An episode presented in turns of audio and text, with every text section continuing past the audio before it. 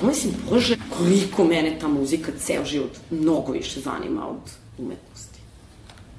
Pa kao, zanima me i književnost više od umetnosti. Pa kao, zanima me Kad sam bila mlađa, čak me i pozorište. Sad nemam više prilike toliko da idem u dobro pozorište, tako da sad ne mogu da kažem da me pozorište više zanima. Ne zanima me više. Ne.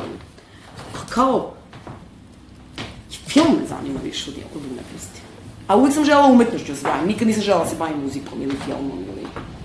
Kao zašto? I tako se ja zapitam na temu naše, našeg susreta. Kao zašto mene to toliko zanima više? Često sam se to pitala, ali nekako nisam odmislila.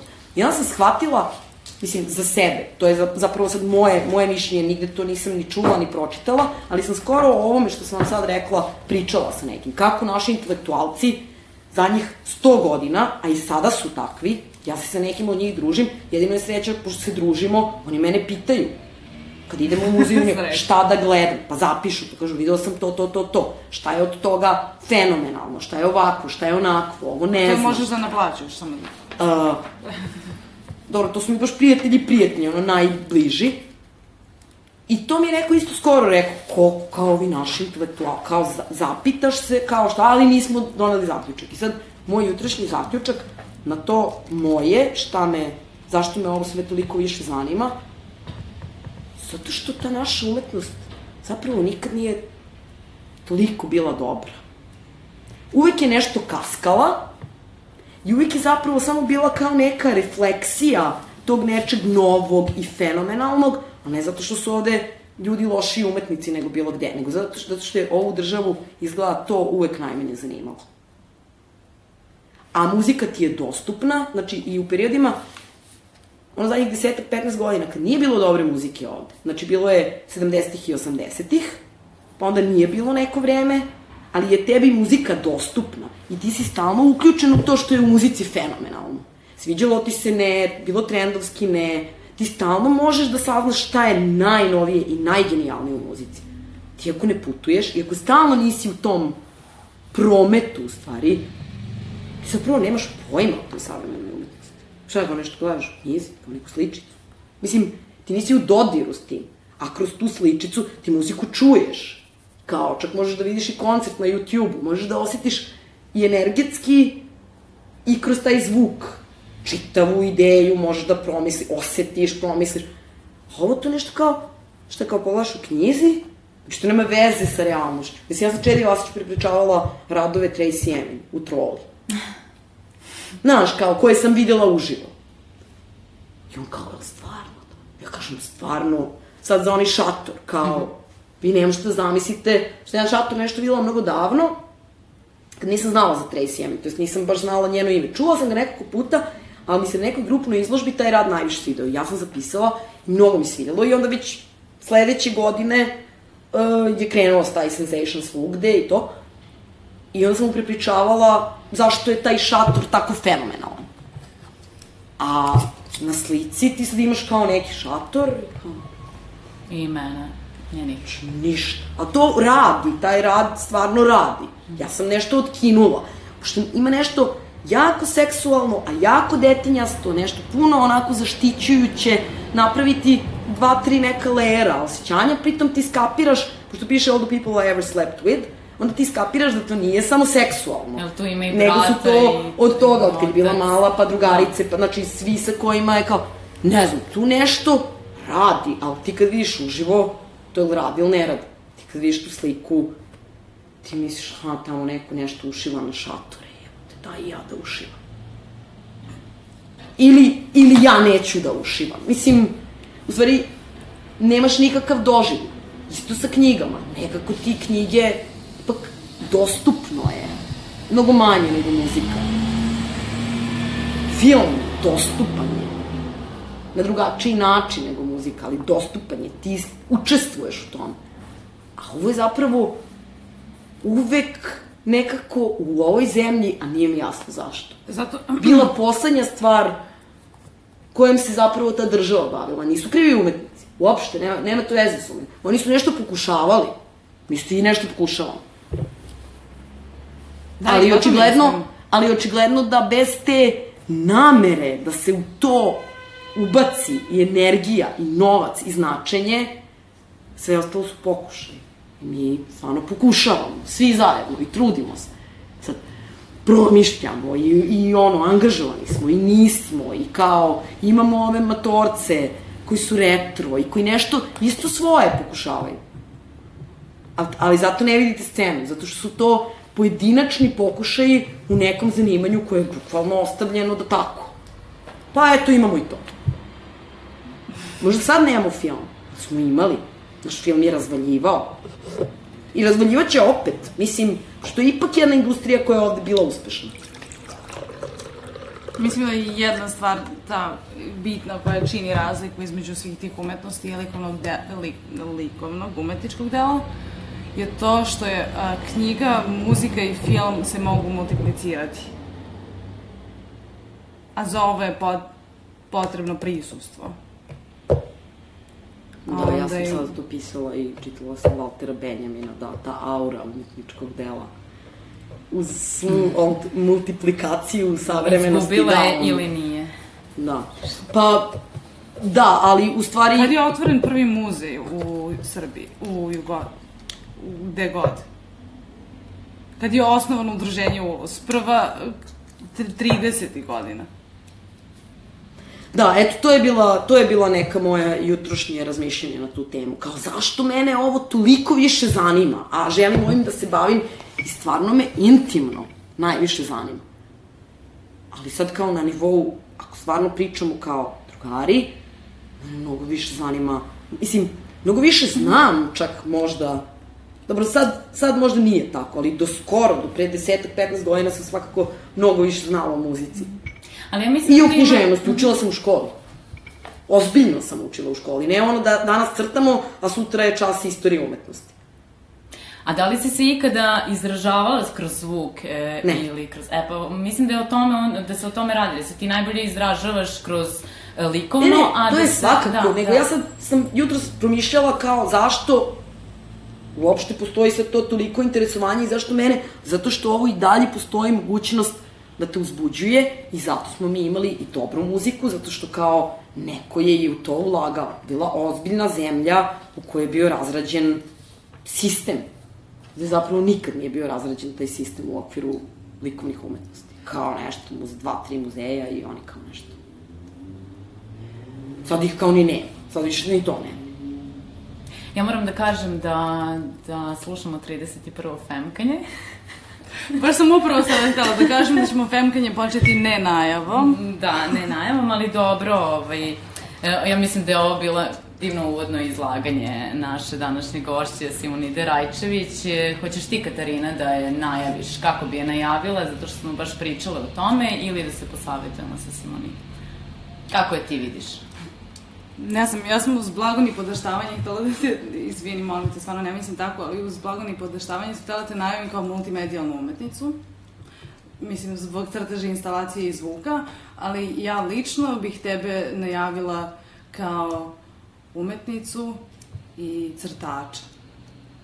Crtačicu. Jo, ove, ove, ove rodne oznake, stvarno, kako Da. bi mogla da kažem Da, razmišljala sam o tome, jer kao, kada, kada pogledaš sve njene radove, odnosno kada pogledamo sve tvoje radove, nekako crtež se u, uvek tu nekako nalazi i provlači se kroz sve tvoje projekte, gotovo sve tvoje projekte, ali e, kao crtačica. E, Ne znam kako bi, kako bi ti sebe, ja te- tebe recimo vidim kao umetnicu e, koja kombinuje crtež, sliku, zvuk i tekst u prostornu in- instalaciju i da se na taj način najbolje izražavaš, jer e, primetila sam da je jako bitan prostor e, u tvom A, samom a samo da kažem zašto sam rekla ni podaštavanje za multimedijalnu umetnicu, zato što se taj termin se Pa sve zato češće provlači to- u medijima, Da. gde je multimedijalna umetnica Seka Aleksić koja nosi umetničko delo na sebi. A, u tom smislu sam mislila, ali a, tvoje postavke, iako koriste drugi medije, su fokusirane ne mislim da ti koristiš druge medije u, smi, u, u potencijalu drugih medija ili koristiš zarad ideje, zato, zato, zato ovo klavam da te, na, da te nazovem multimedijom. Da, ja nekako nemam sa tim nazivima neki preterani problem. Mislim da nazivi su tu nešto da nam olakšaju ili da nam da nas oteraju na pogrešnu stranu kad su korišćeni u baš krajnje pogrešnom smislu, ali mi se dobro razumemo ovde, tako da nećemo imati problema sa nazivima. Ono što je zanimljivo što ste vas dve rekla, ja mislim da se u zadnje vreme meni sve češće dešava je da me povezuju sa crtežom, a ja zapravo sam prvi put ozbiljno crtala posle pripreme za akademiju pre dve godine. I to ne sa namerom da taj crtež nešto sad pretrano izrazi, nego sam nekako tu ideju koju sam, koju sam nekako započela mm, kao, kao ideju neke instalacije, shvatila da će, da će naj, najbolju formu da dobije kroz, kroz crtež. Tako da nekad mi je onako malo čudno i strano, to se crtež, aha, ti crtaš, a onda shvatim za, zapravo ta dva zadnja projekta u kojima je crtež to sredstvo izražavanja, zapravo taj jezik komunikacije, jedan od jezika, je to što je prvo i uočljivo i nešto vrlo prepoznatljivo i nešto toliko starinsko, to jest starostavno, kao, kao mediji, kao, kao mediji, umetnički mediji, da je to nešto na što prvo reagujemo i to je sasvim normalno, ali znam da sam ja onako malo zbunjena jer sam uh, mnogo više u životu se bavila i slikanjem i instalacijama nego crtanjem i zapravo je to crtanje bilo prvi put posle toliko godina nešto što sam radila baš svakodnevno, čak nisam znala ni kako će mi baš ići, ovaj, pošto toliko dugo baš nisam crtala, ovaj, ali valjda je išlo dobro. Ali na ona, ona velika slika Snake Wall, Mm -hmm. 2008. to je već pet godina staro, ona je poprilično crtački do, doživljena. Pa jeste, ali to je opet velikim nekim delom slika, koliko se ja sećam, pa ima neke delove crteža.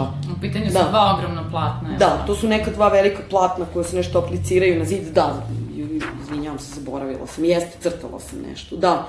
Ali je to nekako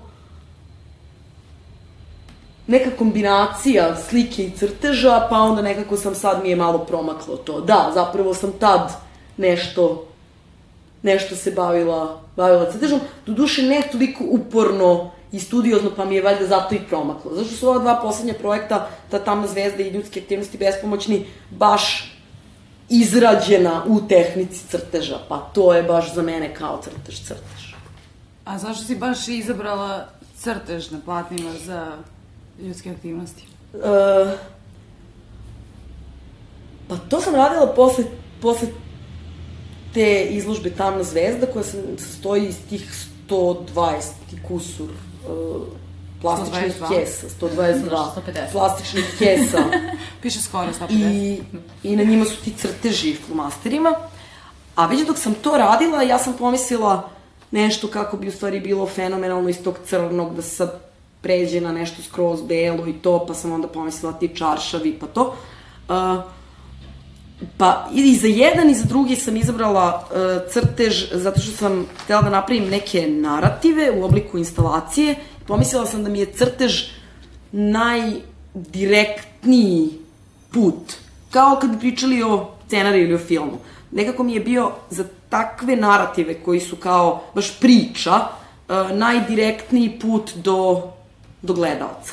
Pošto slika uvek ima to pomeranje, ima i boju, ima i potez, ima i strukturu, kako god bilo, čak i najlazurniji -hmm. prelaz, on ima neku dubinu, tako da pažnja se odlači, znači drugi je jezik potpuno, a crtež ima taj osnovni i najdirektniji, kako bi rekla, trag. Mm -hmm. Tako da posmatrač najdirektnije komunicira sa tim jednim tragom. Ne odlači mu se pažnja na još ta dva, tri elementa, boja, pasta, lazur, senka, modulacija, šta god. da nekako je intimniji ti čačafi i imamo te dušeke koji su uh, postavljeni u prostoru i na njima su ti čačafi. Da, Pričamo da. o Dobro, malo radu, skačemo sa teme na uh, temu. ljudske aktivnosti Da. bespomoćni.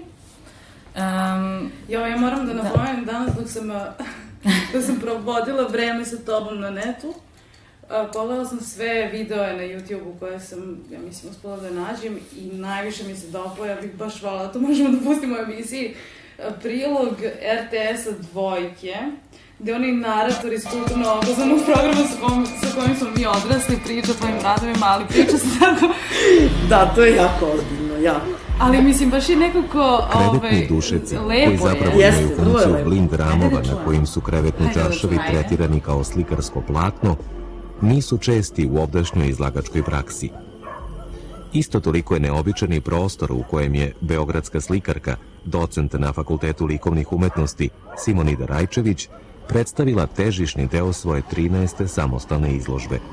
Reč je o galeriji Železničkog muzeja u Nemanjinoj ulici. u suštini htela sam da uradim nešto na beloj podlozi i vrlo brzo mi se nametnulo da to treba da ima neke veze sa ličnim, organskim, organskim, organskim u smislu materijala i upravo se dobro i pogodilo, čini mi se, da je to baš bila dobra odluka. U ambijentalnoj postavci za koju je zvučni deo uradila Manja Ristić, slikarsku podlogu posteljinu, koja je nosilac iskrivenih memorijskih kodova, Simonida Rajčević tretira kao membranu između svesnog i podsvesnog, dana i noći, vidljivog i nevidljivog, javnog i intimnog.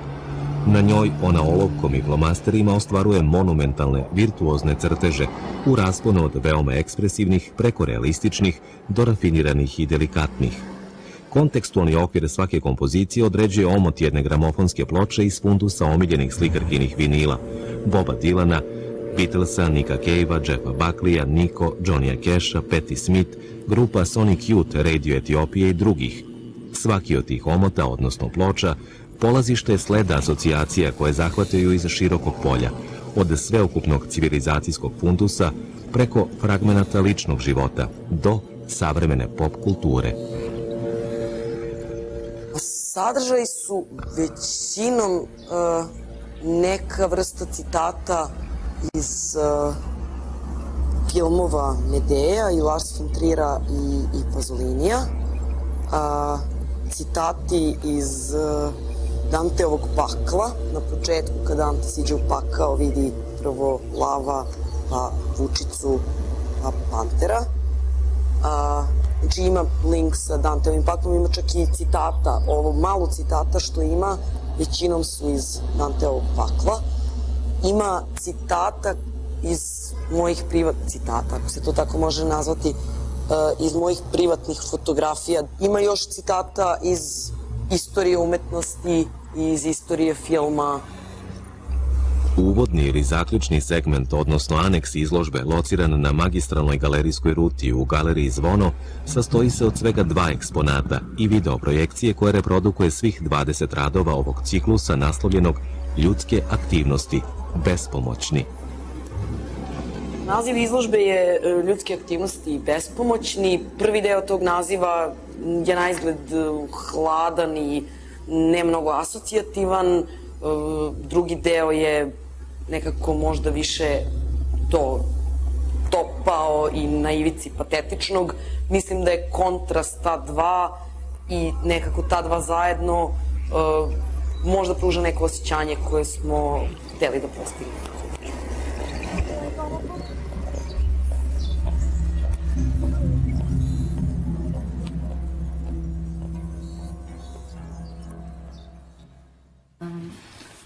Ovo je bio glimpse back u detinjstvo. Da. S ovim naratorom. Katarinina audio želja. Da, da.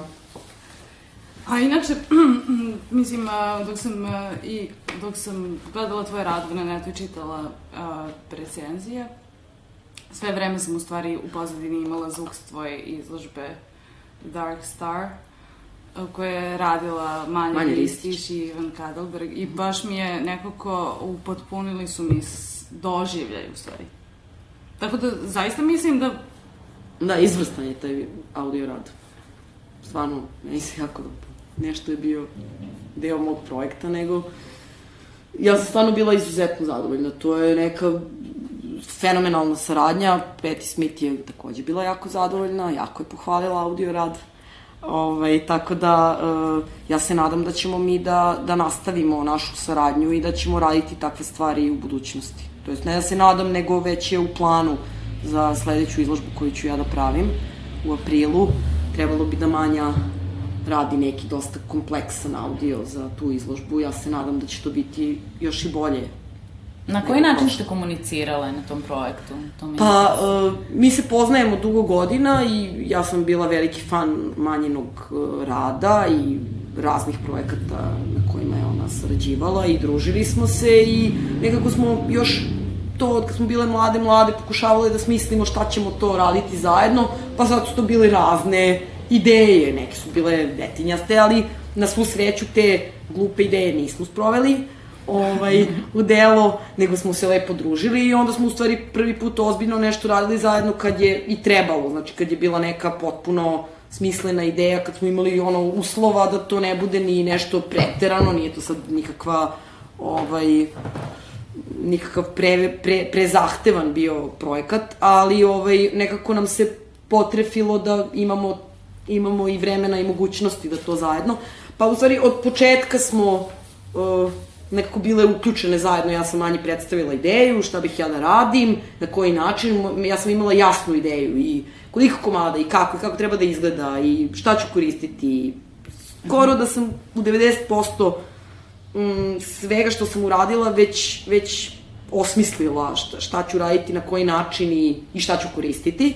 I onda nekako je bilo vrlo lako kako sam ja nešto završavala, tako sam ja manje davala neki materijal. I onda smo tokom tog vremena u stvari pričale, imale neke sastanke te radne, na koji način bi sad to moglo da se, da se uradi. Ja sam davala neke svoje ideje, u smislu šta bih volela, šta eksplicitno ne bih volela da taj rad nekako bude, a onda sam naravno prepustila u jednom trenutku manje da da uradi svoj rad onako kako, kako ona zamišlja da treba. Tako da, mm, to je neka fenomenalna saradnja i mislim da se mi jako dobro razumemo u tome i verujem da sve što budemo radili, kad budemo imali dovoljno vremena i mogućnosti, da možda bude samo bolje, bolje i bolje.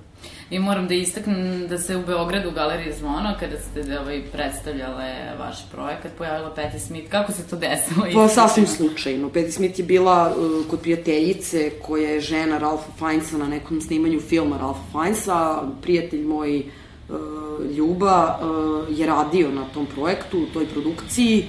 Video je ženu, uh, prišao joj je, meni je bio i rođendan tih dana, pitao je da li bi volala pogleda neke moje kataloge sa nekih ranijih izložbi, ona je bila raspoložena, onda joj se jako dopalo, on je pitao da li bi došla na otvaranje kod mene, pošto to recimo bilo dva dana kasnije, ona je čak pomerila nešto put, trebala da putuje, a onda ostala još jedan dan duže, sad iz kojih razloga ne znamo, ali sve je ispalo super i čula se s njim tog dana, nije zaboravila i kao bila u fazonu apsolutno da dođe. Tako da potpuno se slučajno potrefilo da je bila u Beogradu, ali divno je što je htela da dođe i mislim da, mislim da je bilo fino.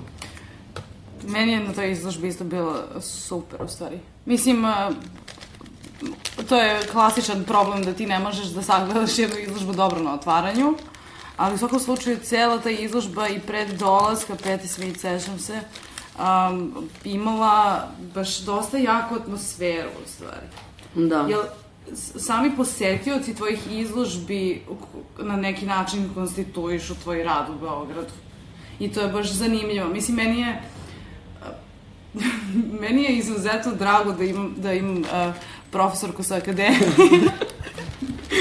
da čiju Hvala. izložbu mogu da odem i da mi bude super, u stvari. Da mogu da promislim taj rad i da mogu da promislim šta taj rad radi u ovoj sredini i da, ne, da nekako da osetiš da nisi prepušten Da.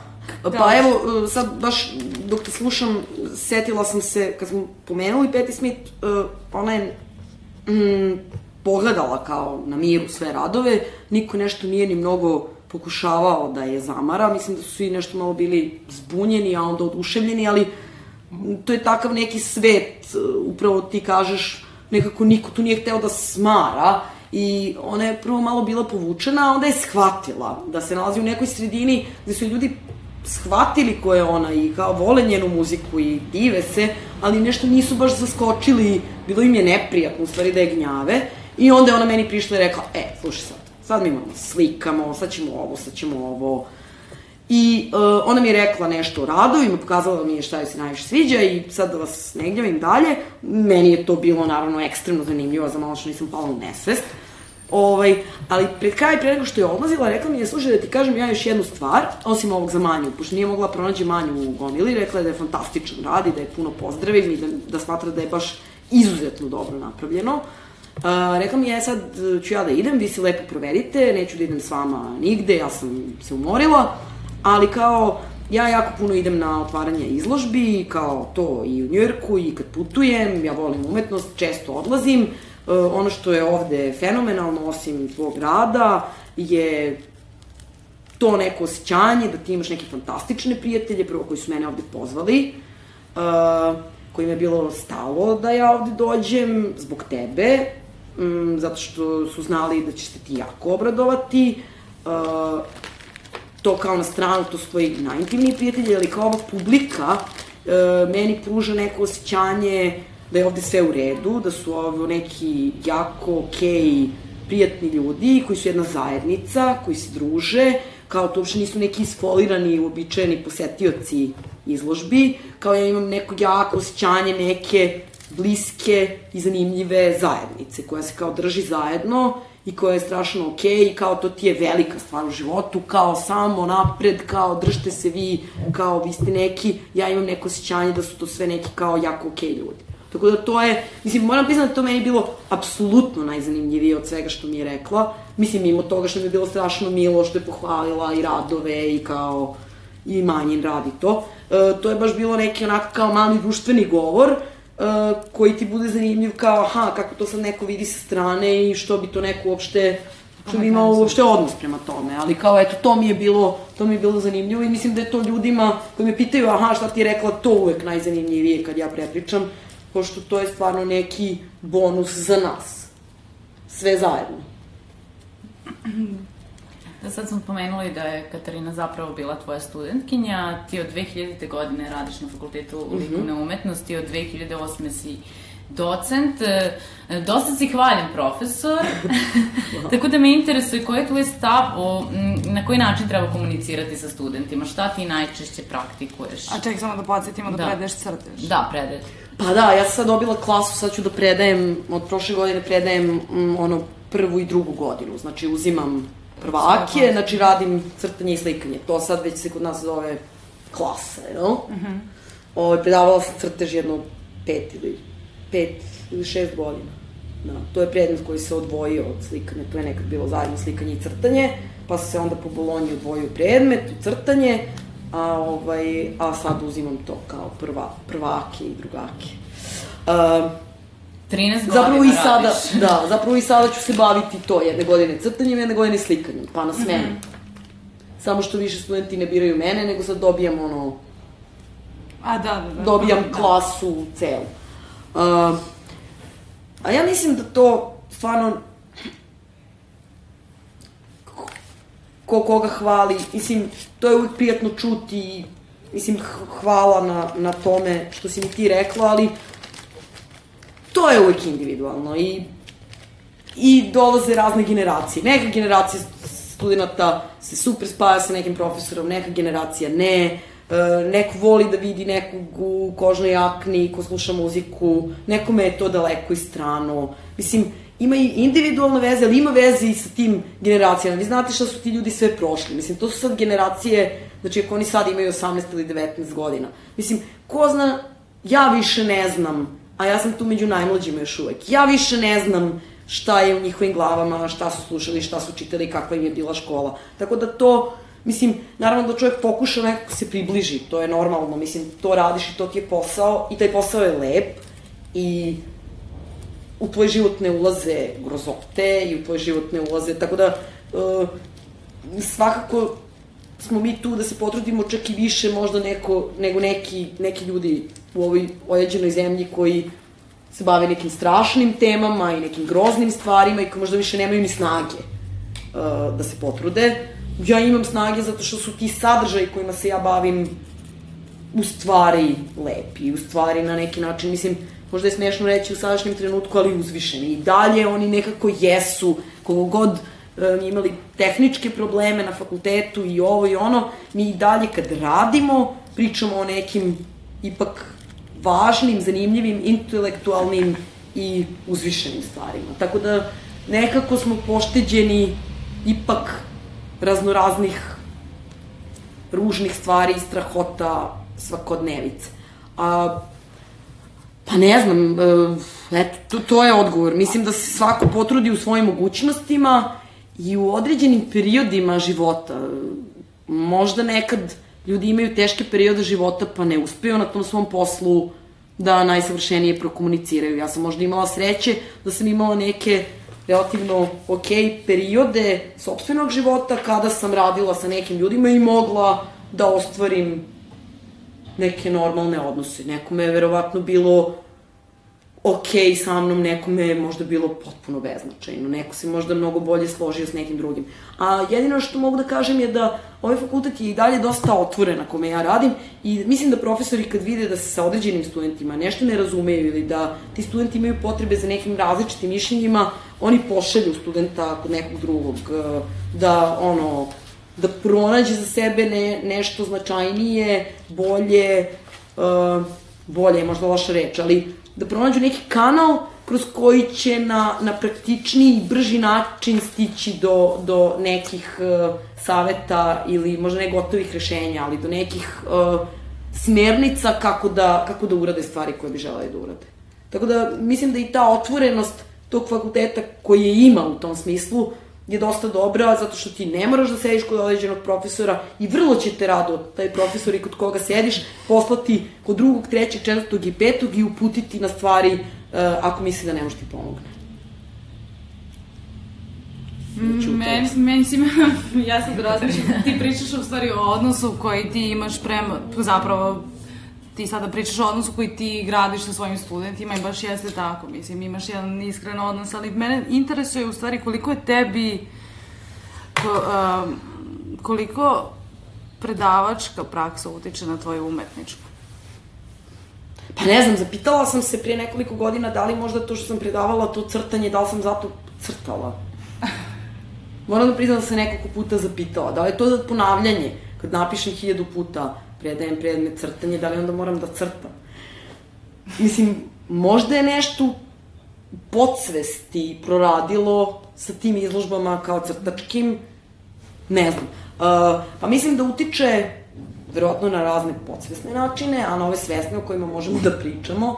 Um, pa ne znam, ja mislim da je ponekad kad se baš, baš zamoriš, uh, dobro da imaš priliku, a takav je fakultet da imaš priliku i mogućnost da po 3-4 dana ne razmišljaš. Ni o tom fakultetu, ni o studentima, ni o tuđem radu. A s druge strane, izuzetno je dobro i korisno zašto konstantno si u kontaktu sa ljudima koji se bave istom stvari kojim se ti baviš i koji su mladi i koji nisu ogrezli ni u kriminal, ni u neke užasne teme. Tako da, konstantno si u svetu koji tek počinje i svetu umetnosti. Tako da, naravno, sve u okviru naše zemlje, koja je takva kakva jeste, ali uh, ne znam, ja to doživljavam kao baš neki poklon koji sam ja dobila sad baš u okviru ove sredine. Baš ne mogu da se poželim, to je neki posao koji, koji ja volim i baš e, vrlo redko mi je teško i vrlo redko mi je nešto tu neprijatno ili zamorno. Nekad mi je veoma žao ili se osjećam krivom što ne mogu da ponudim ili pokažem nekim ljudima koji su mlađi od mene, koji su možda manje imali priliku da putuju od mene ili da komuniciraju sa drugim ljudima ili da uče jezike ili da čitaju knjige, e, te puteve kako stići do nekle, ali e, nekako pokušavam da osmislim šta bi za svakog pojedinačno to je u suštini neka individualna nastava i to je dobro, zato što nisu oni svi isti i ne žele oni svi isto.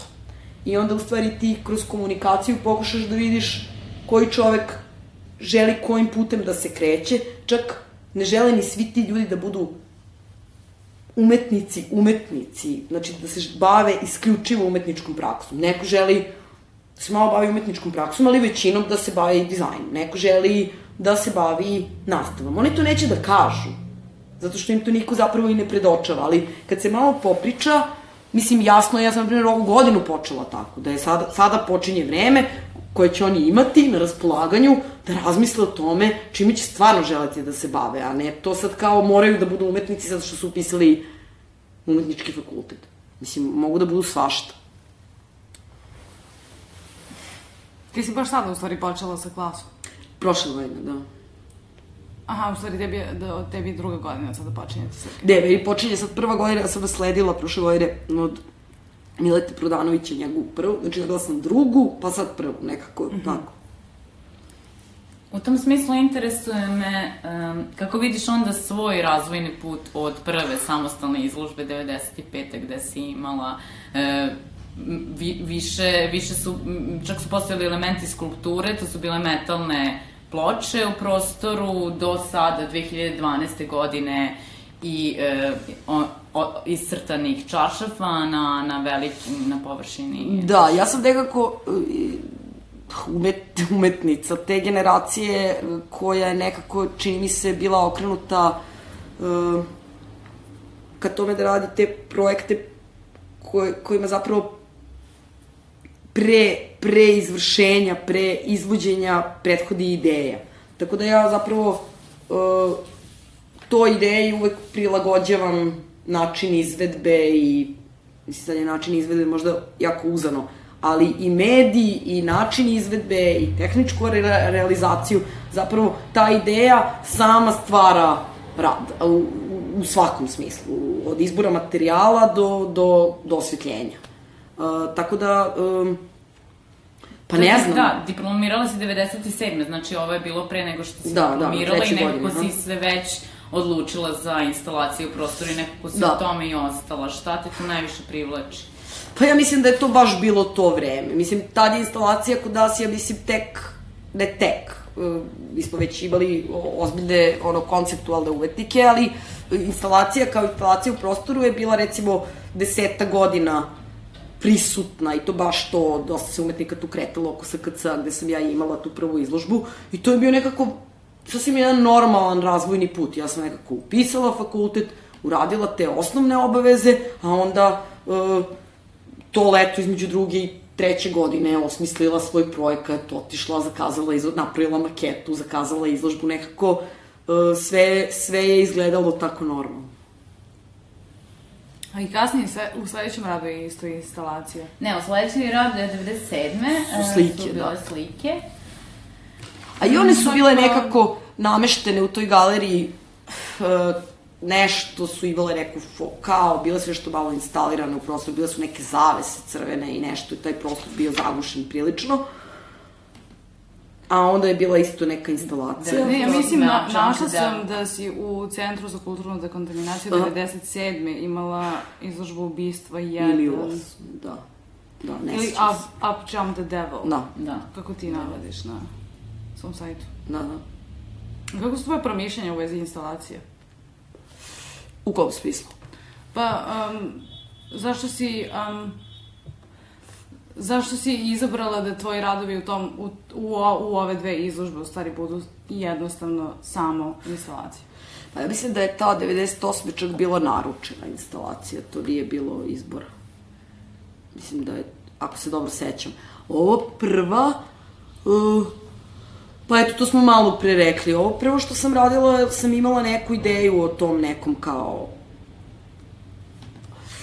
a, ne, nekoj vrsti kao umetničke apropriacije, ono, kroz film Alien i to, ali sam htjela malo da se poigram sa tim uh, ge, ono, konceptualno geometrijskom formom koja se na kraju pretvara u narativ. Na kraju je to kao iznenađenje, znači nije ništa, ništa tako, tako konceptualno, nego je zapravo ono, na kraju se pojavljuje figura, a malo pre sam rekla, mislim da je to baš bio period. Mislim, to sad zvuči kao trendovski, ali mislim da me kao neku mladu osobu fascinirao jedan novi žanr.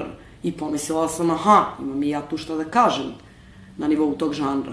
A već brzo nakon toga mislim da je instalacija i ovde postala nešto potpuno uobičajeno i mislim da je tad nekako recepcija instalacije bila mm, potpuno adekvatna. Mislim da su ljudi dosta dobro promišljali uh, tu formu i da nije bilo nikakve naročite nedoumice oko toga šta je instalacija, na koji način mi razumevamo Ono što meni sad palo na pamet je da je možda na to uticalo uh, socijalistička, komunistička arhitektura koja zapravo u sebi nosi taj neki doživljaj.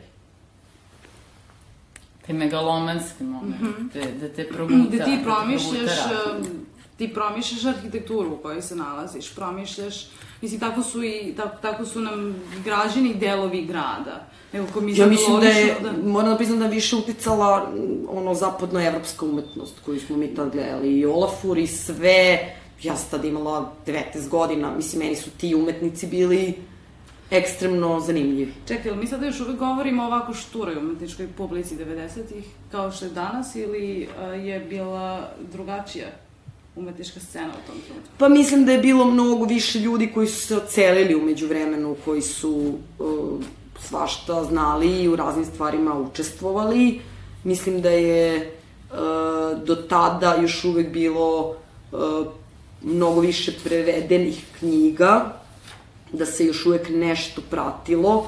Uh, ljudi su jako puno putovali do tada i kao učestvovali u tom nekom zapadnoevropskom svetu. Mislim, ne, ne mogu da kažem da su učestvovali baš u istočnom svetu, ali u tom zapadnoevropskom svetu. I mislim da je to bila utakmica non stop kao, aha, šta ima u Londonu, šta ima u Njujorku, šta ima u Amsterdamu, šta ima ovde, šta ima onde. Mislim da smo se mi svi dok sve nije propalo odnosili prema tome. Sećam se da, da sam ja jako bila vezana u tom trenutku i to, to mi je jako puno pomogao i Nikola Šujica. Tad smo jako puno gledali uh, Dereka Džarmana, ja sam puno gledala, i, i Petera Grineveja. To je, recimo, meni obeležilo 92. treću. Mm, nekako imao si osjećaj da učestvuje, mislim, Nikola Šujica se pojavio u Kuvar Lopov, znači sad ja pravim izložbu, on mi piše tekst, onda mi pričamo o tome kako je on upravo se vratio iz Londona i uh, sedeo u nekoj sceni za stolom, pošto se sa Najmanom družio, uh, pa su ga malo snimili kao u Kuvaru Lopovu. Tako da, mislim da, da je to bila priča odnošenja prema nekoj umetnosti koja se negde pojavljuje i ti pokušavaš to da uhvatiš, zapravo odnos prema galerijskom prostoru. Ja se sjećam da je meni bilo važno na, na nivou te instalacije Edejana da se ostavi to osjećanje da je to galerija, znači da, da se ne poništi u sve to scenografsko i kao metalne ploče i konstrukcije i to, ali da se ne poništi uh, ta ideja da si ti sve, sve vreme u galeriji, znači da imaš i tu vrstu scenografskog ili scenografsko-instalatorskog elementa, ali da imaš i to osjećanje galerije institucije, znači da, da ti bude pomešano, znači da nisi potpuno u prostoru koji ti se kao apsolutno menja. Znači, e, već, već tada smo imali, mi imali, svi smo imali, ja sam imala potpunu svest šta instalacija može da bude u prostoru, u zatvorenom prostoru, sad u eksterijeru, to govorim. A sad kad si spomenula ovaj, kako smo u stvari sve vreme, mislim, to je sasvim logično, referentni na... Zapadnu na, Da, na glavne tokove zapadne umetnosti. Ti si isto u nekom intervjuu rekla da si preokupirana određenim ličnostima iz, iz šira oblasti kulture, mislim, uključujući i muziku i film i književnost i pozorište mislim, raznoliko je, ali si ti u jednom intervjuu rekla da si fokusirana na određene, kao recimo na Nick Cave-a ili Patti Smith, i to ne znam baš za koju izložbu je bilo, ili Elvisa Prislija, da si na njih fokusirana zato što si, zato, ti, zato što smo mi 90-ih pod sankcijama imali redukovan dolazak sadržaja. Da. Šta misliš da se dešava danas kada mi je sav sadržaj dostupan na internetu? E, meni što se dešava ili nama svima? I jedni drugi. E, pa... Pa ja više nisam redukovana, a ovaj...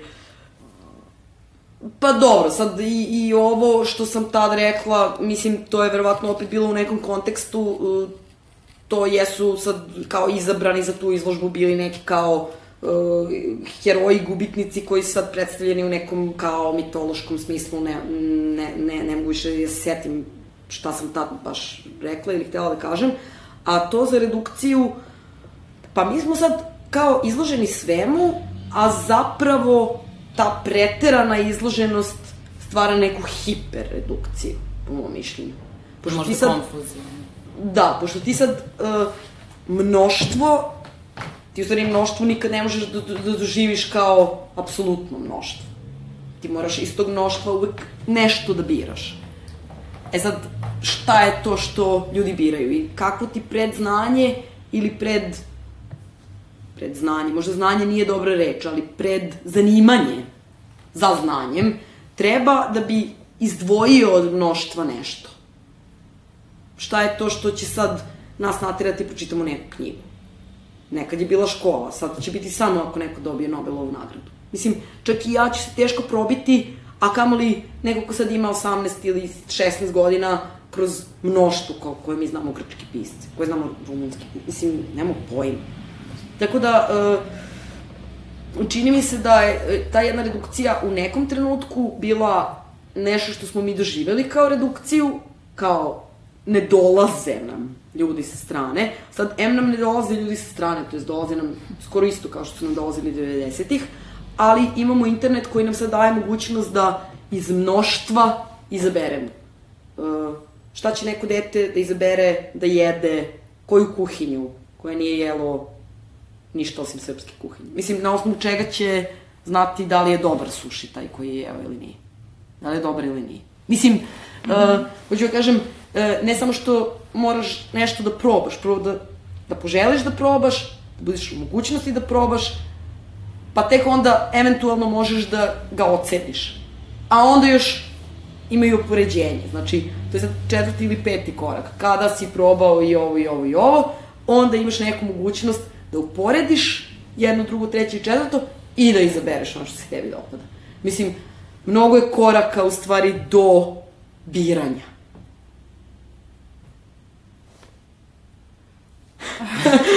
Sve se pretvorilo zapravo u jednu supu. To je ono što smo malo pre razgovarali, ti pokažeš uh, fotografiju umetničkog dela i ona je jednaka fotografiji kauča na internetu. Da, da. Mislim, a i sad sama ta forma kako u stvari umetnička dela prelaze u fotografiju, ono što si spomenula sa šatorom Tracy Emin, da.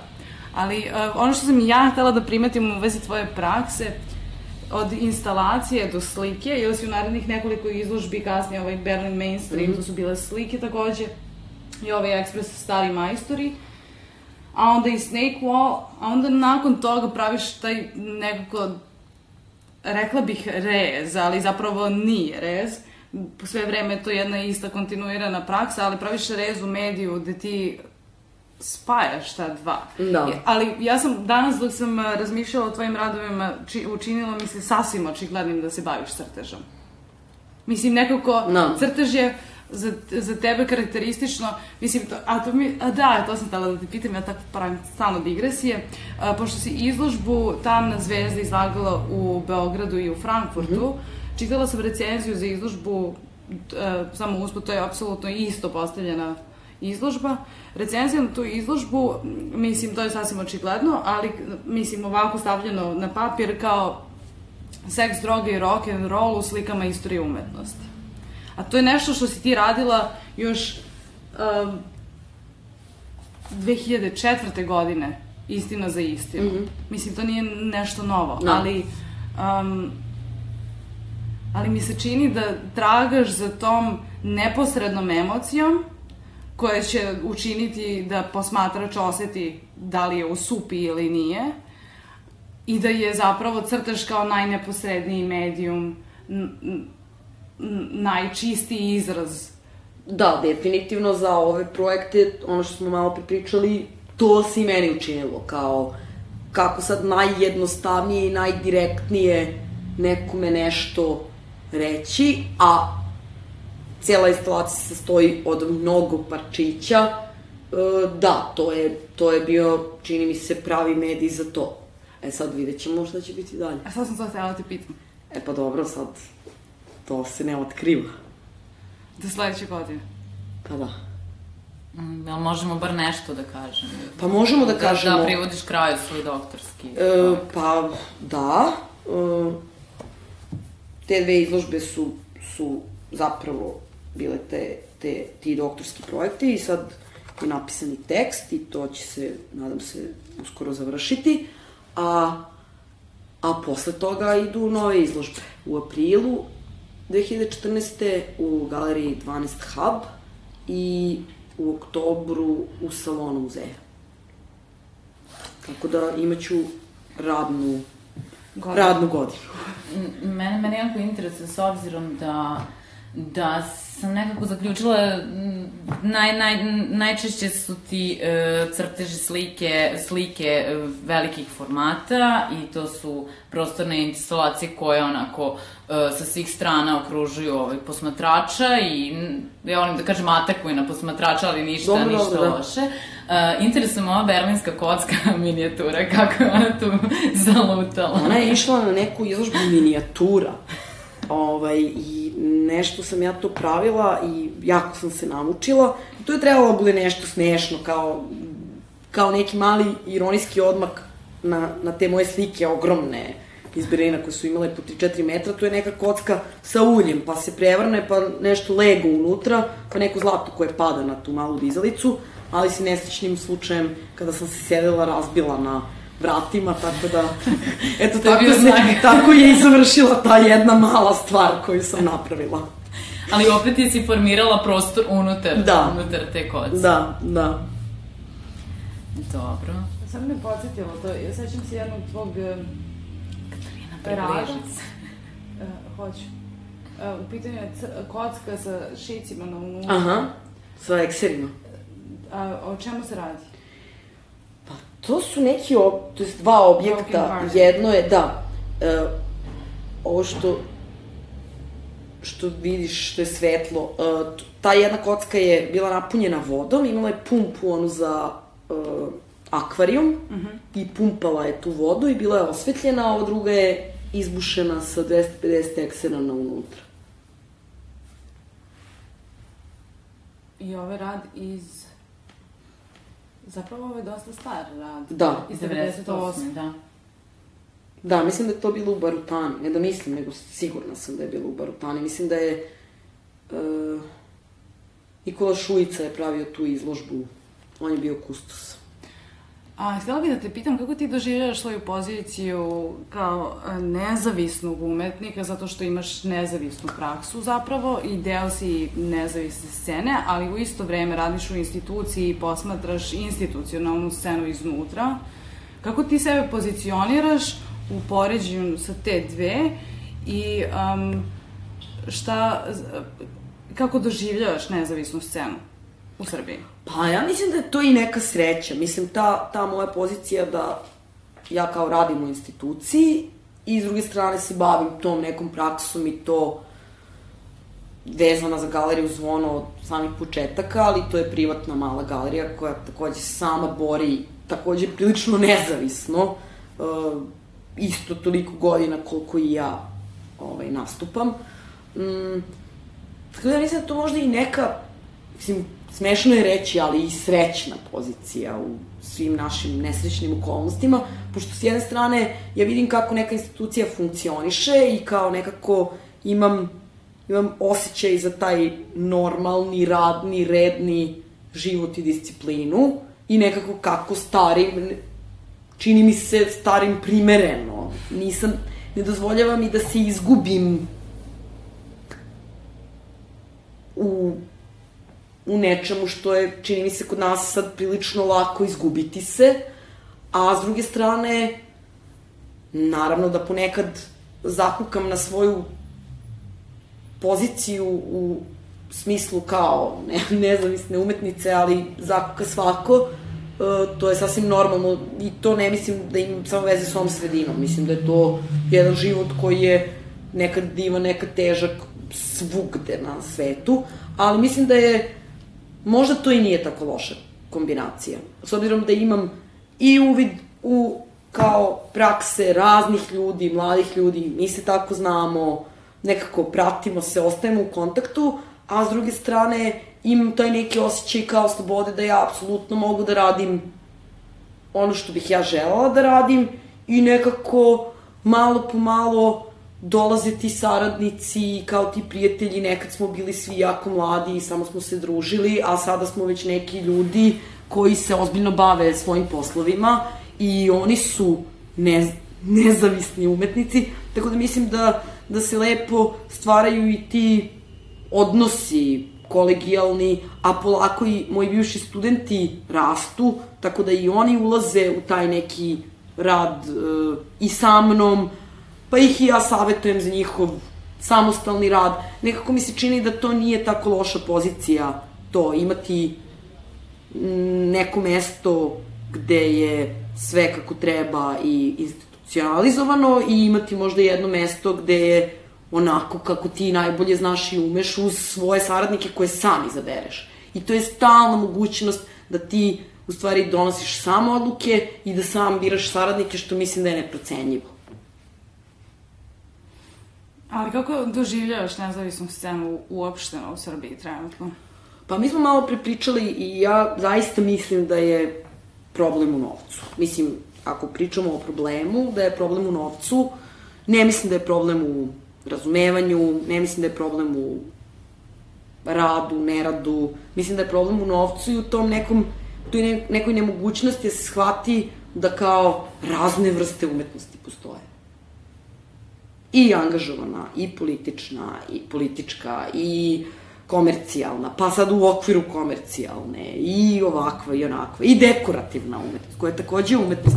Mislim da mi svi pokušavamo da iz svega toga što vidimo, napravimo to jedno delo koje je malo i političko, a malo je i uh, konceptualno, a malo je i skulptura, a malo je i fotografija, a malo bi volili da je kao Damien Hirst da je ogromno, a malo bilo dobro i da se proda, a malo gledamo i te kao slike koje imaju samo žute krugove, a malo bi bilo dobro da je i tako jednostavno, pa da je i tako dekorativno. To su sve potpuno različite forme koje imaju svoje mesto ono, u sazvežđu te umetnosti koja negde je izložena, postoje muzeji, postoje kolekcije, postoje galerije, postoje kupci, kolekcionari i svi oni žele nešto od toga. Svi oni promišljaju o delovima toga, svi oni grade delove toga, svi oni svoj život posvećuju delovima toga. Niko nije usmeren na sve to, niko uh, nije usmeren na celu konceptualnu umetnost. Usmereni su na dve godine određene konceptualne umetnosti negde na svetu i samo se time bave. Sad, da li je to dobro ili loše, uh, to nije naša tema, ali prosto takav, tako, tako izgleda savremeni svet.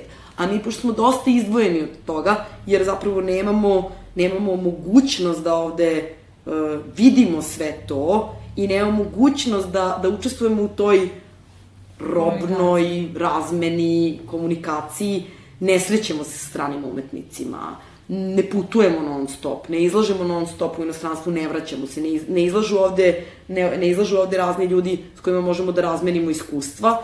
Uh, mi onda u stvari u sve to gledamo kao u nešto iz čega treba da napravimo to jedno delo koje bi pokrilo, ako bi moglo, sve te tačke koje smo mi uočili da su važne u savremenoj umetnosti.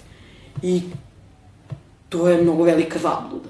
A mislim da e, i moji studenti to tako gledaju. Pošto oni sad gledaju knjige, ili su čuli nešto, ili su jednom otišli u neki strani grad i videli izložbu koja sad u, u grupnu izložbu koja u, u okviru toga nosi sad hiljade tema i hiljade različitih svetova zapravo, to je mnogo komplikovano. A teško je odlučiti se ovde da budeš nešto, zato što ti se čini, ako sam to nešto, propustit ću 100 vozova. Tako da, ne znam, mislim, e, takva nam je pozicija. E, dobro je to promišljati, shvatiti što više putovati, što više komunicirati s ljudima, da bi shvatio gde si ti, ne da bi stavio sam sebe u fioku, nego da bi shvatio gde su tvoje interesovanja, šta bi ti stvarno voleo, kako bi voleo da živiš, da li želiš stalno da ideš na neke rezidencijalne programe, da li želiš da imaš materijalni rad, da li želiš da imaš materijalni rad, da li te stvarno zanima suštinski konceptualna umetnost, da li te stvarno zanima uh, nešto peto, što sad nismo pomenuli. Uh, da li te zanima rad u grupi? Da li te užasava rad u grupi? Uh, mislim, to su sve strašno važne stvari. Kako možeš da komuniciraš sa galeristima? Kakvih sve galerista ima? Uh, zašto su ljudi zainteresovani u Nemačkoj, u jednoj vrsti umetnosti? Zašto su zainteresovani u Holandiji? Mislim, uh, mentaliteti, mentaliteti drugih umetnika. Uh, jako je jako bi bilo dobro to nekako, barem pomalo, ponekad, uh, imati priliku da, da, da se to vidi i doživi, da bi čovek koji želi da mlađi, da, koji želi da krene taj život, nekako bar malo mogao sebe da pozicionira mm -hmm. u tom svetu. To je stvarno jedan svet za sebe mene sad ovo samo navodi na razmišljanje nekog ko sve vreme razmišljam kako pričaš na, jedan formativan način da bi uh, da, zapravo osjeća se kako ti predaješ i kako bi mogla da preneseš metode za saznavanje stvari, u stvari. Ali, a, ali mi je, malo mi je sada, to, to je stvari razlog zašto ja tebe isto izopštavam iz akademije, što ja mislim da ne može institucija zapravo to da uradi čoveku. To je ta, to je ta je, jedan na jedan komunikacija gde, i, no. Da. gde se ti prepoznaješ i u komunikaciji gde neko tebe zapravo sluša i pomaže ti da ti sam sebe pronađeš. U tom smislu je to baš jako bitno i sad, sam, sad mi je palo na pamet.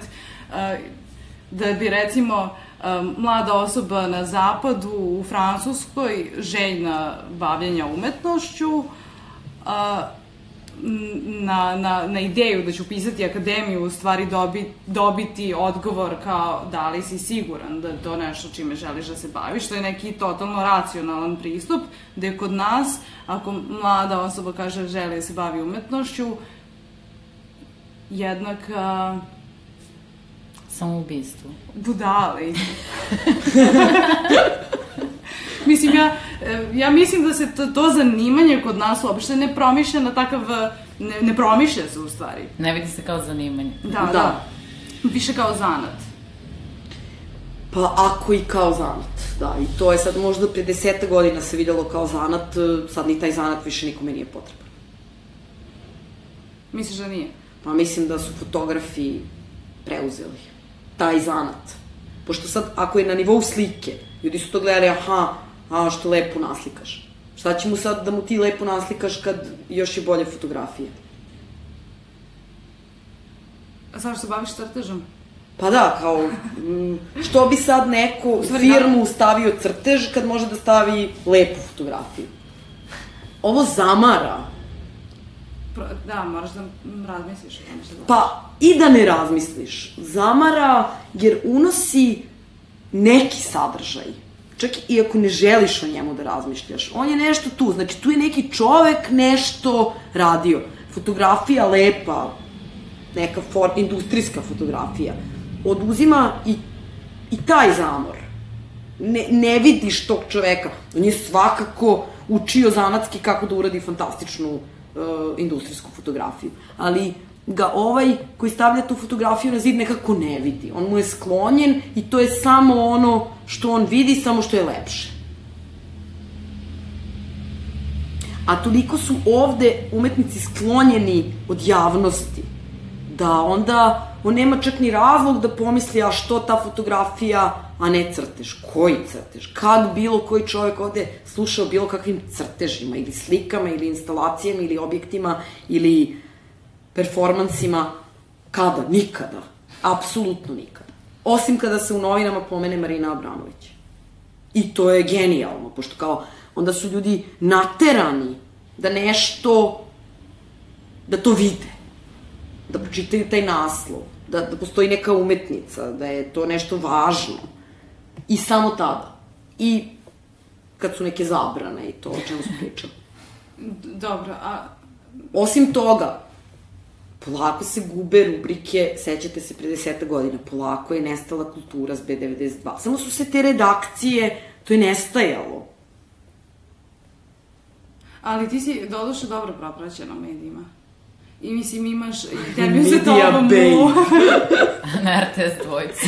RTS dvojici, to je meni Pa, highlight. mislim, uh, hvala tim nekim ljudima koji su prilike negde srednje generacije, koji su bili dovoljno otvoreni kad sam ja dolazila, da im to što sam ja, na primjer, bude zanimljivo.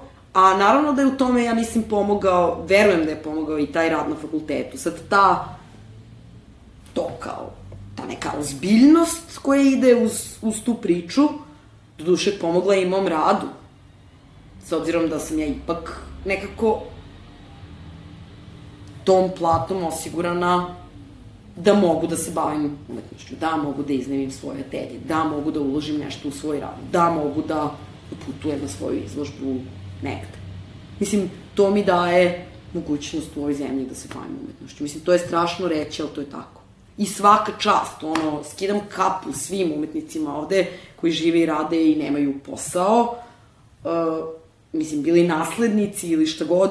Mislim, to je stvarno jedan nesiguran i, i, i ono, stresan život uh, užasno i bravo i svaka čast i ali takođe podržavam da svakoga ko želi da se bavi umetnošću ovde uh, pronađe i neki siguran izvor prihoda i da radi neki posao koji mu je okej, okay, kao što je meni ovaj posao na fakultetu stvarno okej, okay, zato što je strašno da radiš nešto što te ne zadovoljava i što ti uzima energiju, pošto džaba onda ta sigurnost materijalna, ako te to do te mere iscrpljuje i ne daje ti mogućnost da se ti regenerišeš, ali, ali neka vrsta sigurnog posla, sigurnog, ništa ovde više nije sigurno. Mislim, ja ni, ni na ovo ne gledam kao nešto sigurno, ali do sada je prosto imala sam mogućnost da i radim nešto u instituciji i da se bavim svojim poslom.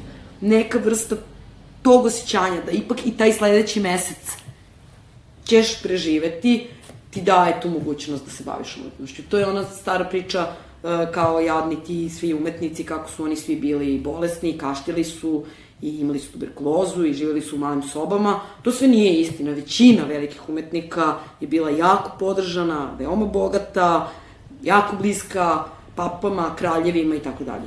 Uh, Umetnost je, mislim, nema umetnosti u rovovima. To je samo hobi, to je preživljavanje. Umetnost je ipak jedna stvar koja je jako povezana sa visokim društvom i sa napretkom društva. Mislim, ona je, ona je kajmak koji se uhvati na tom mleku. I u principu zato sam ti ja malo pre rekla, može ona da se bavi najsuštinskim stvarima u vezi tog društva. I može da to društvo secira i, i vrlo često joj je to osnovni cilj. Ali ona može da postoji u svom punom obliku ako joj to društvo daje to mesto i ako je to društvo podržava. Ako ne, ona je nevidljiva. U to, o tome se radi. Radi se samo o vidljivosti i nevidljivosti. A novac u savremenom društvu daje vidljivost. E, nekad je novac igrao malo manju ulogu, a nekad pre je igrao još veću ulogu. A u Italiji i u renesansi je igrao ogromnu ulogu, zato što je čitava ideja bila ta ogromna vidljivost. Ali, nažalost, uvijek je imao veoma važnu ulogu u toj vidljivosti umetnosti. Mi ono što znamo iz istorije umetnosti je ono u šta je uloženo. Ono u šta nije uloženo, mi ne znamo da je to postojalo. Ono što nam danas ostaje, prepostavljamo, su festivali. Pa ostaje nam ono što možemo da smi, ono što vidimo, znači ono što je već stvoreno i ono što možemo da zamislimo eventualno i da ga napravimo. E sad, to je stvarno svet ideja. I ostaje nam da razmišljamo o tome kako da dođemo do novca i kako da ubedimo kasu da u to što mi mislimo da je važno uloži. Mislim, to je nažalost tako, ali to je takođe naše društveno mesto. ako želimo da se bavimo umetnošću, to je takođe deo osvešćenosti koje svako mora da ima. Ne možemo da sedimo baš kod kuće i da mislimo da će neko drugi raditi te prljave poslove i uh, pronalaziti taj novac. Znači, ako želiš da budeš vidljiv, mislim, to je isto kao taj odnos sa medijima o kom, o kom smo pričali. Uh, ja sam zahvalna uh, svim tim ljudima koji su u jednom trenutku prepoznali, aha, vidi ova mala, to je nešto super. Uh, nisu morali. Dakle, i to je jedan odnos u koji se ulaže. To su sve neki živi ljudi koji su isto na svojim poslovima prilično u zadnjih deseta godina zanemareni, njihove redakcije su najmanje značajne, ali uh, ako ti nešto daješ studentima, ako ti nešto daješ svojim prijateljima, a, uh, ti moraš da daš i tim ljudima koji se bave tom temom, a oni rade u medijima. I oni moraju da imaju osjećaj da pripadaju istom tom svetu, umetničkom svetu kome ti pripadaš, da bi znali zašto tu dolaze i da bi znali šta da kažu o tome. E, to je sve jedna zajednica. U tom smislu mi nismo odvojeni. E, jako je teško naći te načine komunikacije. Različite su generacije, ljudi dolaze iz različitih. E, mislim da je to isto jako važno za sve ove mlađe ljude koji dolaze, da nekako nauče da komuniciraju među sobom i da, i da održavaju sve te odnose. Pošto to je kultura, u stvari. Svi ti odnosi su kultura. Kad tih odnosa nema, nema šta da se spoji. Ja bih se sada samo vratila na billboard povodom izložbe Istina za istinu. Kako se to desilo? Pa... Jedan moj prijatelj... Ti si zapravo imala nameru da, da napraviš billboard. Kao nameru. Da, ja sam htjela da imam billboarde, a onda sam to nešto pričala sa prijateljima i jedan moj prijatelj uh, mi je rekao da ima razne usluge koje mu duguju te billboard agencije, a da on ne proizvodi ništa, te nema kako da ih naplati, pa sam ja onda dobila billboard. da, da, imala sam nameru, samo, samo sam krenula, ali brzo mi se namera stvarila. Je li bila veća posjećenost? Ne. Kako očekiva? Ne. Ne. Ja mislim da je vreme, nažalost, moramo da, da privodimo razgovor kraju, da, i postavimo poslednje pitanje. E, kako vidiš svoju budućnost? pa, pa, moram da priznam da je vidim ono na kratke, na krat, kako se to kaže, na kratke, ta, na Da, kratke sekvence. Ono, mislim da ima veze sa, sa društvom u kom živim. Uh, jako mi je sve što radim naporno i sve mi je napornije. Imam osjećaj kao da mi neko sve vreme vuče neke gumice koje su mi oko ruku i nogu, nisu lanci. Ne zvecka se, ja nekako to, ali kao da mi stalno, i, i sve jači pritisak osjećam tog vučenja na nazad, a ja sad i dalje, e sad, s jedne strane možemo da kažemo to jače mišiće, figurativno, a s druge strane, e, tako, više mi je, sve više mi je nekako, su mi obične stvari u poslu, u, umetno, u, svakom danu, nekako su mi naporne. E sad, mo, ja mislim da to ima veze sa, sa našom, našom situacijom. A, I mislim da sam se možda malo umorila od, od stvari koje se ponavljaju i kao, kad ti 50 puta dnevno neko kaže to ne može, ti verovatno posle nekoliko godina već si malo onako... Umoran i da pitaš. Umoran. A s druge strane, ja sam se odlučila da se bavim tim poslom. Ja sam, mislim da nisam pogrešila. I dalje nekako jako pronalazim u tome zanimljivost i, i ložim se na to. Tako da, uh, eto, vidim, uh, verujem da bih možda u nekoj drugoj sredini, ako bih opstala u toj sredini, na isti ovaj način kako sam opstala ovde, uh, možda videla duži plan. Možda bih mogla da vam kažem, ne znam, vidim sebe za 7 godina ili 5 godina. Ja ne mogu da vam kažem sad baš sa ove tačke za 5, ali eto, imam to skraćeno. Ja sad nekako vidim kako će mi proteći ova i sledeća godina, treba da uradim dve izložbe, treba da radim na fakultetu, treba da završim s ovom prvom godinom, zanima me kako će njima biti. Uh, to će za te izložbe biti finansijski naporno, Znači, treba se projekat s tim po izboriti. Da, imam, imam puno posla, uh, eto tako, nekako vidim u toj jednoj i po godini svoj život. Nažalost, ne vidim, ne vidim duže od, od toga, ne vidim sledećih pet, ali se nadam, nadam se možda nekom ovde malom pomaku u smislu nekih mal, malo, malo očiglednijih razmena. To, malo više nečeg što bi moglo da dođe ovde, da ljudi vide pa i ja, i malo nekog odlaženja negde drugde i neke razmene na nekim drugim područjima. Mislim da je to već uh, i za mene i za neke druge umetnike koji god godište bili, pa čak i za sve ove kulturne radnike, uh, već bi bila velika stvar. To, razmena, mišljenja, iskustava i to, putovanja, mislim da je to u našoj situaciji ogromna stvar. I još izbor muzike. A izbor muzike, da, danas sam se odlučila za Pretenderse za prvi album. A šta, šta, šta je bilo prva namera? A prvo vam je bilo Patti Smith, Horses, ali onda sam shvatila da je, pričali smo o Patti Smith, nema razloga.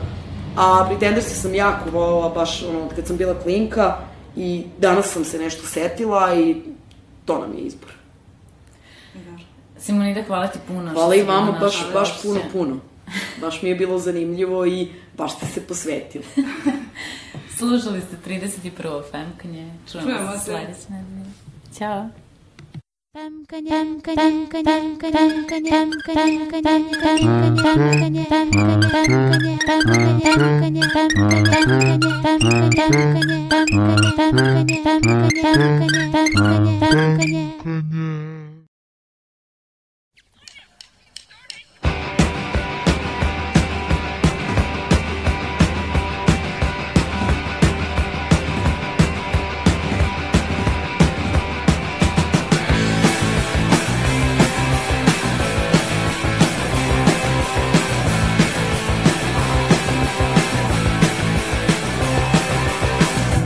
like the way you cross the street, cause uh, you're precious.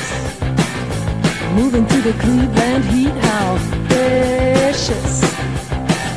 You're taking that and all the kicks are so precious. But you know I was shitting bricks, cause I ain't precious. Make me wanna, make me wanna, made me make it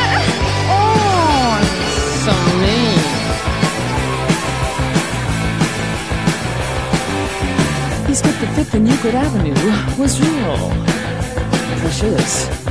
Hotel still incoming into view. How precious. It's a pity that you bruised my hip, cause I'm precious. You shouldn't let your manners slip, you're too precious. Make me wanna, make me wanna, make me make it.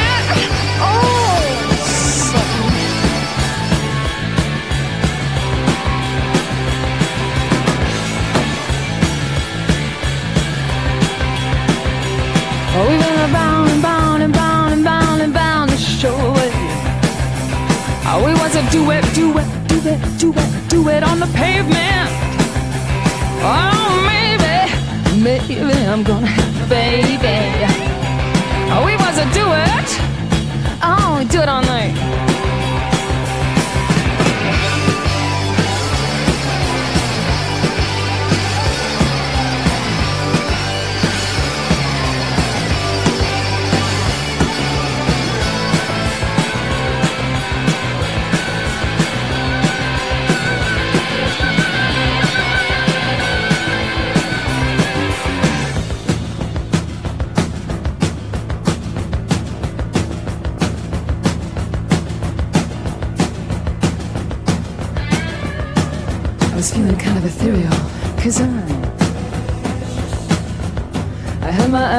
Your imperial, you're so Now Howard the Duck and Mr. both stayed trapped in a world that they never made. But not me, baby, I'm too precious. Had to fuck off. It made me wanna.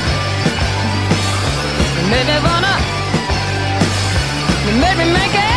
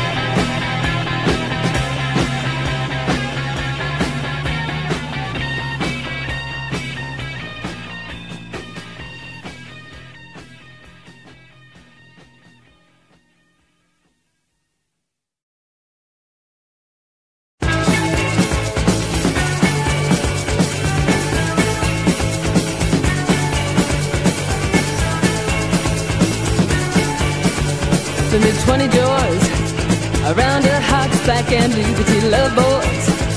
I tore my knees up getting to you cause I needed to find out what the thing was for. Then read it. Man, the time came to explore. I went a fire cause I thought like I like it. Little tease, but I didn't mean it. But you mess with the good stall, you gotta pay.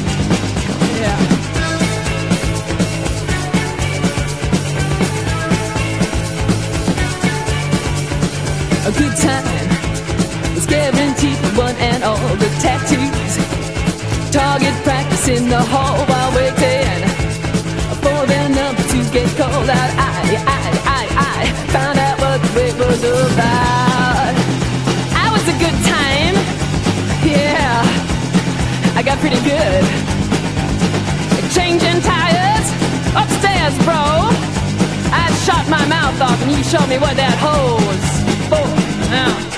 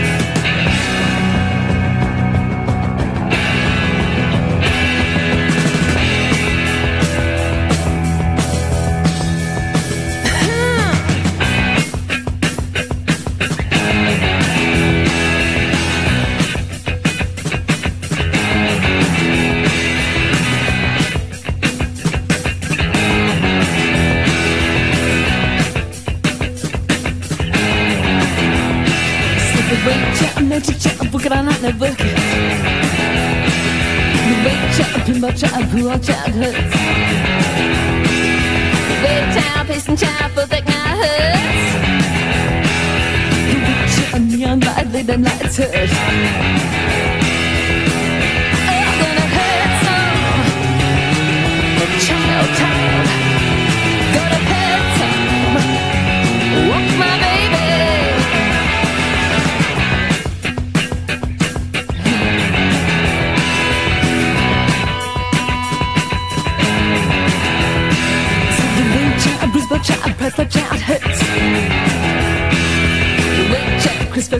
that childhood.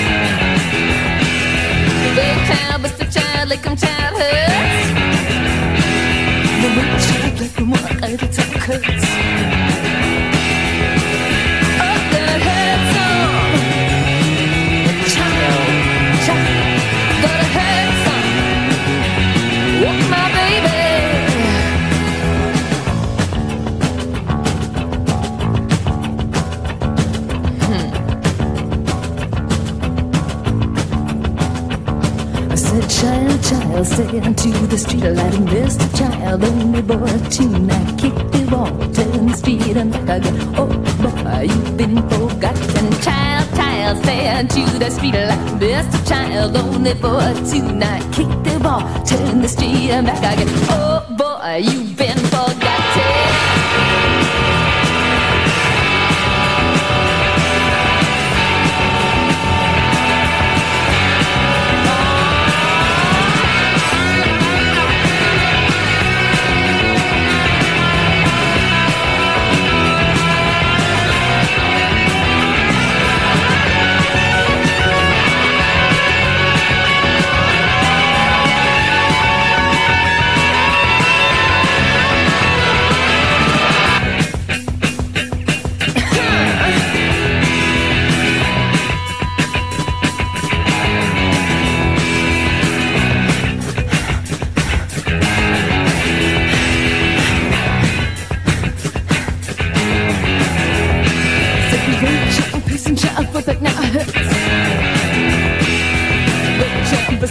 they come chat.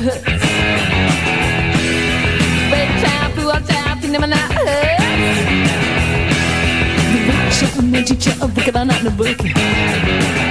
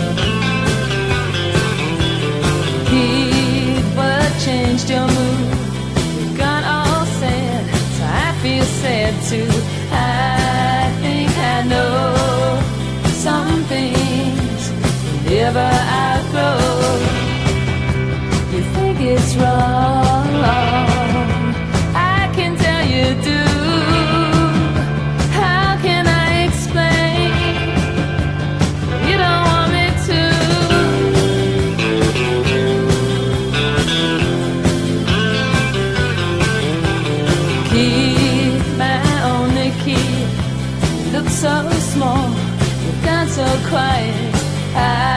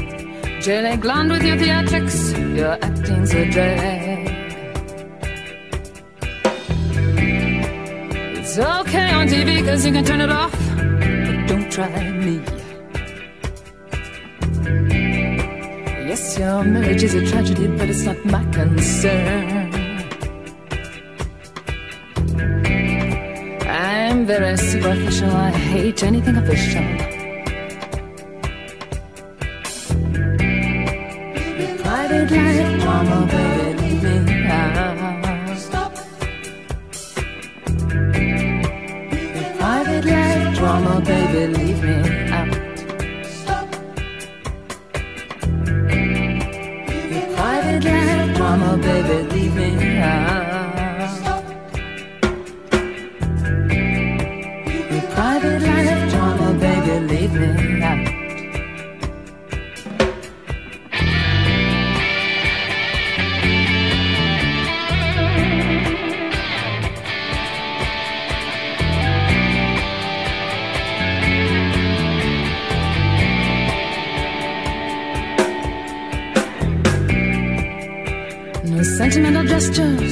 me to death. You've made a desperate appeal, now save your breath. Attachment to obligation through guilt and regret, shit that's so wet. And your sex life complications are not my fascination.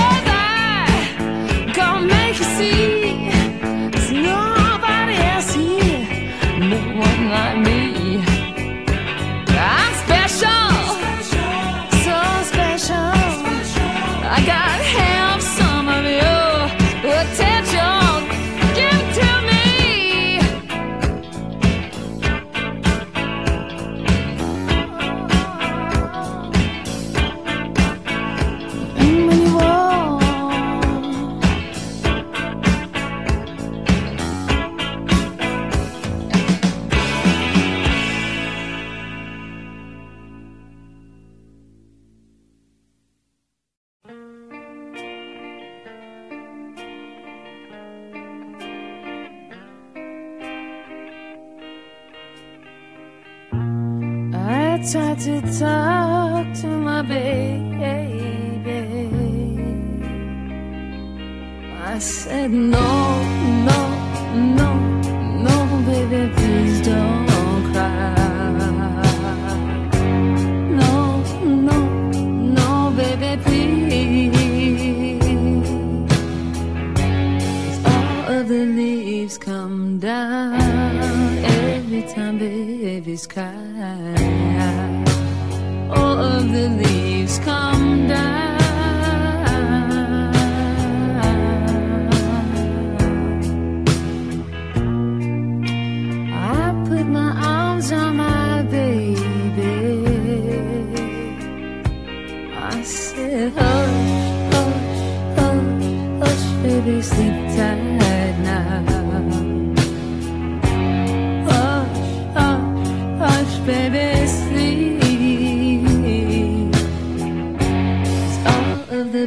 start to sing every time babies dream. All of the birds start to sing.